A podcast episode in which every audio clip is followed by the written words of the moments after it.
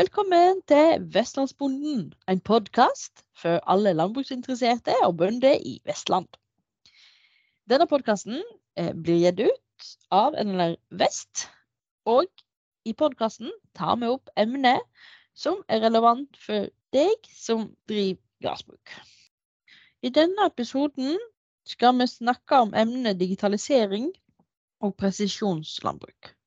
I starten av episoden så kommer vi til å få et lite intervju av tidligere kollega Bart Gol, som gir oss et historisk referat om utviklingen av landbruket. Etterpå har vi tatt oss en prat med Gunstein Dyrdal, som er vår rådgiver på maskinteknikk, som snakker om erfaringer de har fått ved bruk av NLR-dekningsbilen. Vel lytting.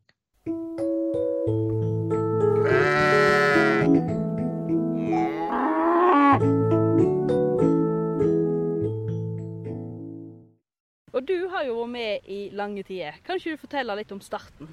Hvis en tenker på de, den faglige utviklingen som har vært da, så i grasdyrkingen. Det er jo grasdyrkingen som vi driver med.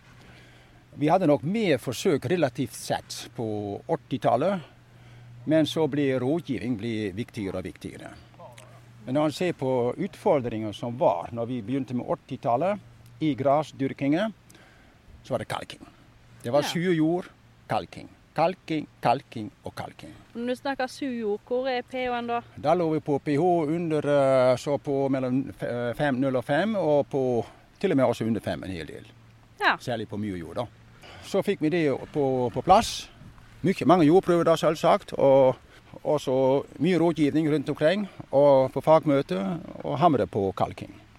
Og bøndene de uh, tok godt imot det. De fulgte opp. Så nå er i grunnen egentlig stort sett er pH ikke noe problem lenger. Heller ikke i slutten av 80-tallet. Så kom inn husdyrgjødsel. Bedre utnytting av næringsstoffene i husdyrgjødsel med tanke på spredetidspunkt, iblanding av vann i vekstsesongen.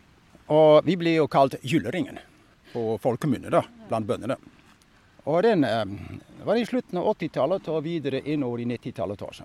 Da blir så eh, 90-tallet, slutten av 80-tallet, 90-tallet og videre så kom i grunnen egentlig veldig mye den tekniske utviklingen når det gjelder innhøstingen av fôr og alt som hadde med grasdyrking å gjøre. Tekniske utviklingen det betyr større maskiner, mer jordpakking. Så det blir utfordringen. Men den kom med til syne etter hvert som man hadde ikke tenkt på dette problemet med, med, med tyngre utstyr. Så um, totrinnshøsting blir stort sett erstattet stort sett fôrhøstinger. Den blir avviklet. Nå er det totrinnshausting og fòrtørking. Tyngre maskiner, jordpakking. Da er svaret tettere og mer grøfting. Først og fremst altså for å avhjelpe problemet, og ikke minst også være oppmerksom med dekktrykk. Så de to ting er det eneste egentlig en kan gjøre for å unngå uh, mindre pakkeskader. Og selvsagt helst minst mulig innhøsting når jorda ikke er laglig, når den er for våt. Er det helt tørr jord, så tåler den veldig mye mer. da. Så det var jo de første ti årene i 2000-tallet. Så kom samtidig da etter hvert inn, særlig fra 2008-2009, altså framover, da, digitaliseringen. Altså Vi fikk jo mye mer programvare som ble styrt av dataprogrammer. Vi fikk, uh, I fjøset fikk vi råbåtene. Og etter hvert altså, så kommer denne digitaliseringen helt sikkert enda mer i grashøstingen også. Mens innhøstet så får vi massevis av opplysninger om kvalitet og innhold og avling og slike ting. Og all digitalisering som skaffer mer opplysninger om driften på gården til veie, åpner da selvsagt også for muligheter å bruke, hvis en bruker de opplysningene, til mer presis tiltak med tanke på gjødsling og tanke på sprøyting og slike ting, for å ta det i bruk. Og det kommer til å bli tatt i bruk. Det er først og fremst kanskje de yngre bønder som er vokst opp med digitaliseringen. De overtar etter hvert, og de kan dette som ingen andre. Mens de eldre bønder de forsvinner slik som eldre rådgivere ut i pensjonistrekkene. Og det blir spennende, den digitaliseringen. Hvordan den kommer til å utvikle seg videre. Så er det sånn at uh, da er det slik som vi står her i dag, fra 2022 og fremover, så er det vel de største utfordringene Det er, tror jeg iallfall, at Når vi har fått en digitalisering med massevis av muligheter å måle, så må vi også kunne få ut i form av analysene på gassbruk hvordan driver vi i grovfòrdyrkingen, i grasdyrkingen. Særlig med tanke på bruk av næringsstoffene. Både i husdyrgjødsel og i kunstgjødsel og i kraftfôret. Alt dette som kommer inn på gården, hvordan skal vi ta vare på de næringsstoffene på best mulig måte? Jo, vi kan ikke svare på det før vi har et verktøy som registrerer dette her. Opplysninger som allerede er blitt registrert, de ligger der. De ligger i husdyrkontrollen, de ligger i avlingsregistreringen, de ligger på gården der. De ligger i innkjøp hvor mye de har kjøpt av kunstgjødsel, type, kraftfôr, type. Og de vet også i form av hva som er innhold i melken, både når det gjelder protein og slike ting. Så datagrunnlaget ligger der allerede. Det er bare å få et verktøy slik som det blir registrert, og kunne vise til hvordan sirkulerer næringsstoffene rundt på gassnivå. Hvor forsvinner de, i hvilken form. Og det kommer klimagassene også med i bildet. I hvilken form. Da snakker vi om gasser, bl.a. klimagasser. Men de kan også forsvinne ut av gassbruket i form av avrenning eller i form av utvasking. Så får vi et godt verktøy på plass i hele landet, så kan vi også målrettet sette i gang de tiltak hvor vi ser her er det et forbedringspotensial. Og det blir utfordringen framover.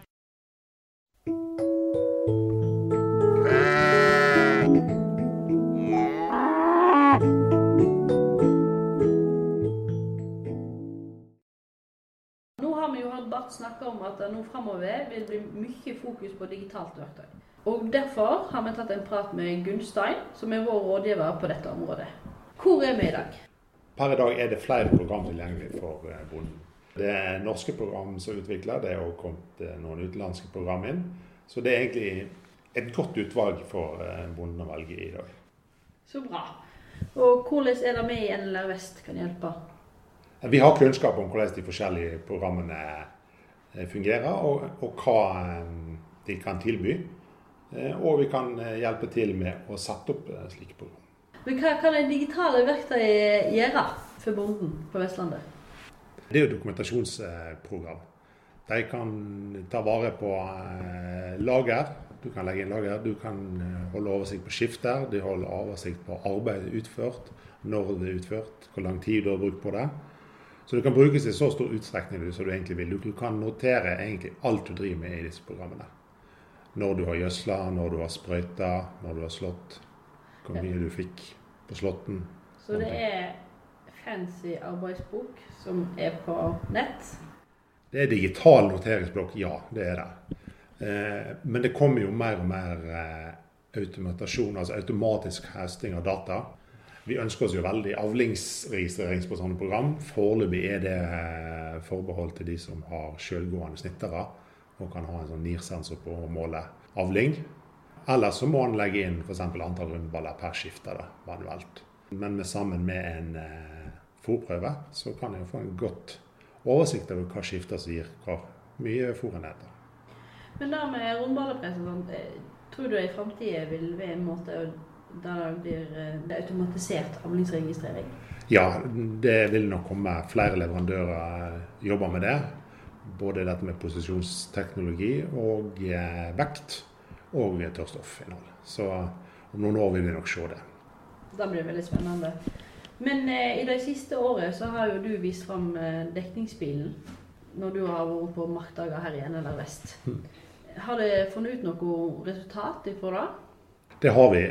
De som har eh, fjell sør for seg, eller en tett skog eller noe som hindrer fra sør, kan gi utfordringer. Vi ser det i noen deler i vår region, så er det utfordrende. Det som er bra, og vi har sett, er at eh, de nyeste enhetene innenfor sporfølger og sånne ting De nye enhetene har så mange satellitter tilgjengelig at de blir ganske gode sjøl uten korreksjon. For å si litt om grunnlaget Denne korreksjonen som vi må landbruket må ha, som gjør at vi kommer ned på den nøyaktigheten vi i landbruket trenger, de ligger ned på ekvator. Derfor er det utfordrende for oss som bor i nord, og da spesielt med, med fjell i, i, sør. Men etter hvert som tida er gått, så er det jo kommet flere tilgjengelige satellitter. Vanlige satellitter, og de er jo rett over oss. Så vi ser det at nøyaktigheten på en del av er ganske god uten korreksjon. Så det betyr at mange kan bruke disse sporfølgerne ukorrigert. Det har vi sett nå i den perioden, at det, det fungerer. Så hvis en er usikker på om, om det er en plass i NLR Vest sitt område da, eh, der en kan kjøpe en sporfølger, så kan en ta en telefon til deg først da, for å høre om det er aktuelt i ditt område? Eller? Det, det går an å gjøre, ja. Vi har ganske god oversikt over det. Blir den bilen brukt ennå? Den bilen eh, blir brukt ennå. Han går jo på rundgangen rundgang landet rundt. Regionene deler på han. Så den er, eh, prosjektet blir avsluttet til nyttår, så den er fremdeles operativ. Ja. Men siste året nå har vi fokusert på markdager og kunnskapsformidling rundt bilen. For vi har jo ganske mange representative GPS eller presisjonsutstyr tilgjengelig i bilen. Men når du sier at det er mye utstyr i den dekningsbilen, kan du si noe mer om det? Ja, i bilen har vi eh, sporfølgere fra de helt enkle innstegsmodellene. Og vi har, eh, ja, vi har flere av de, og vi har eh, mer avanserte Isobus-terminaler som på en måte er ett hakk videre.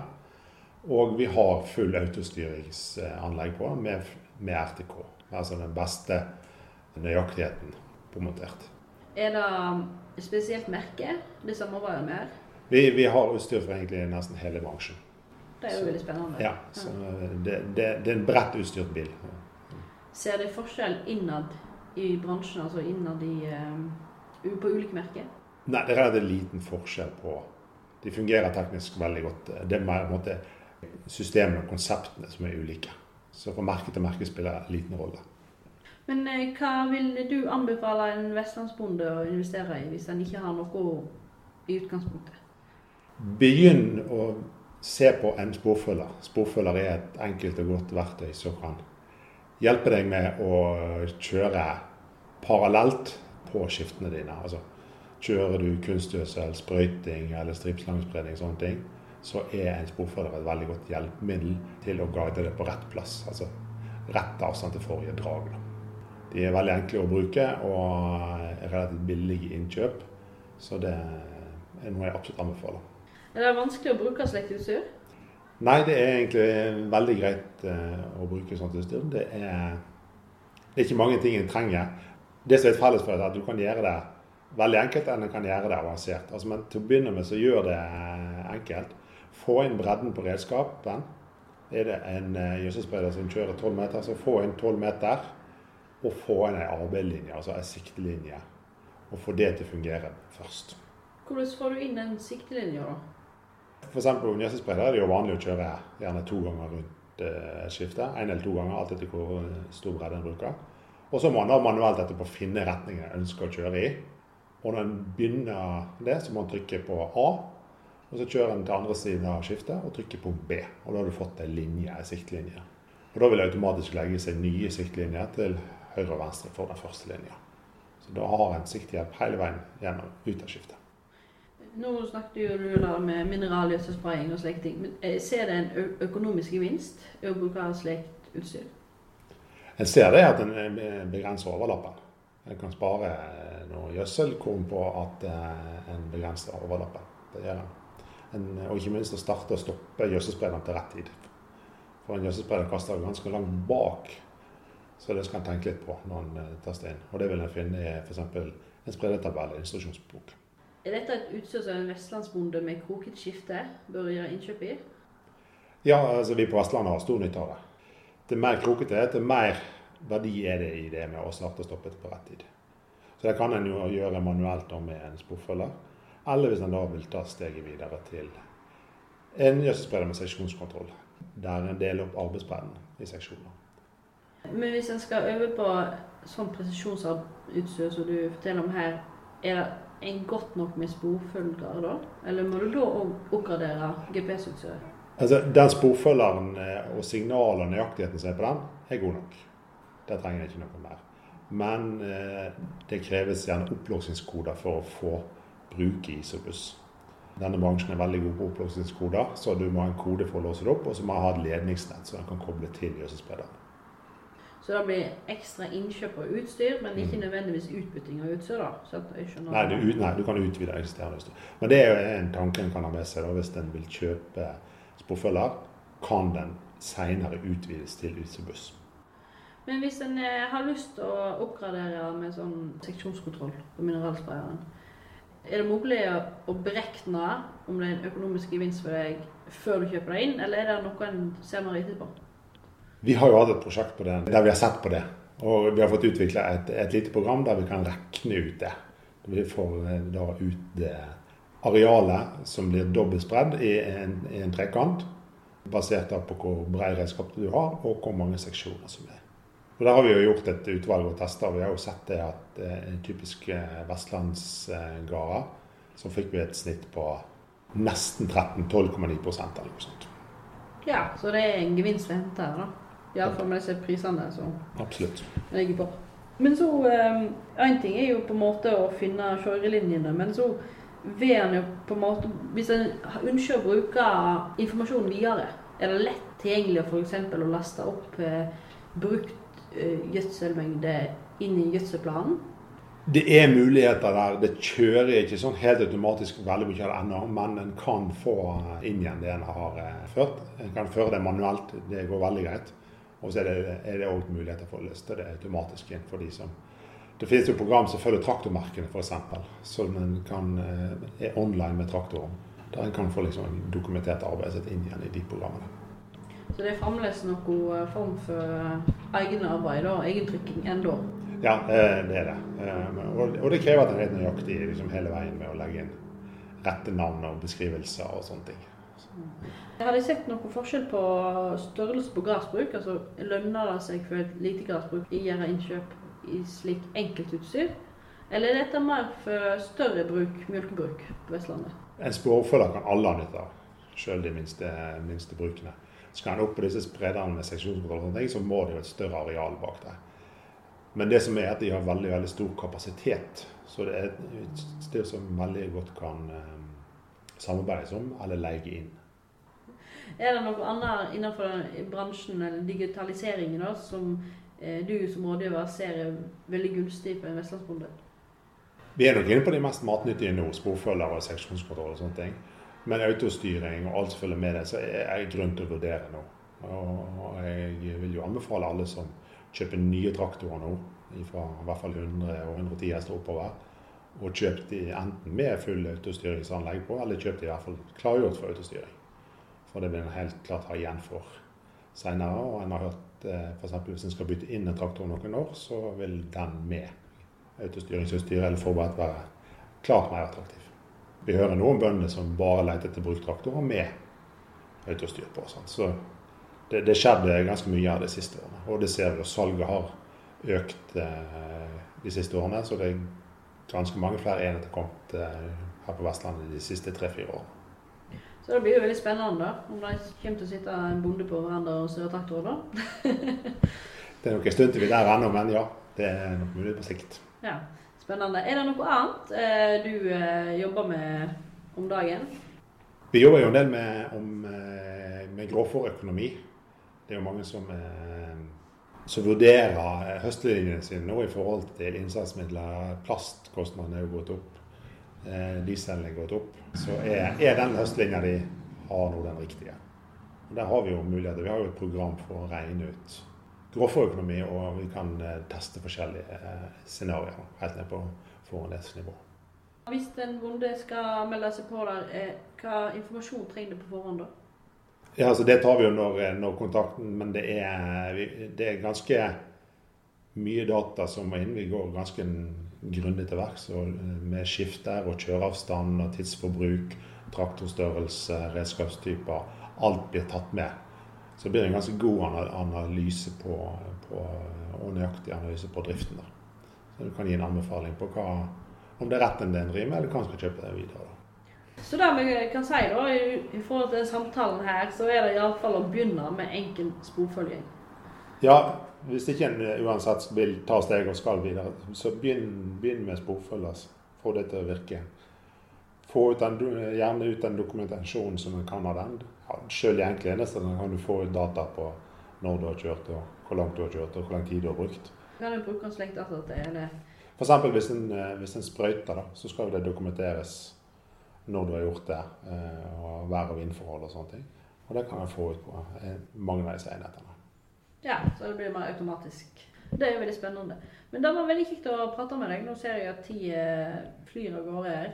Så eh, vi må nesten avslutte. Men tusen takk for at du ville være med i podkasten. Da sier jeg tusen takk til Bart van Gol og Gunstein som bidro i denne podkasten.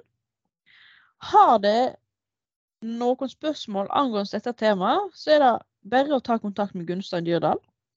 Informasjonen og telefonnummeret hans finner du på nettsidene til NLR, og da er nlrvest.no. Takk for at du lytta, og har du ideer og emner du ønsker å høre mer om, ta kontakt med oss på e-post eller Facebook.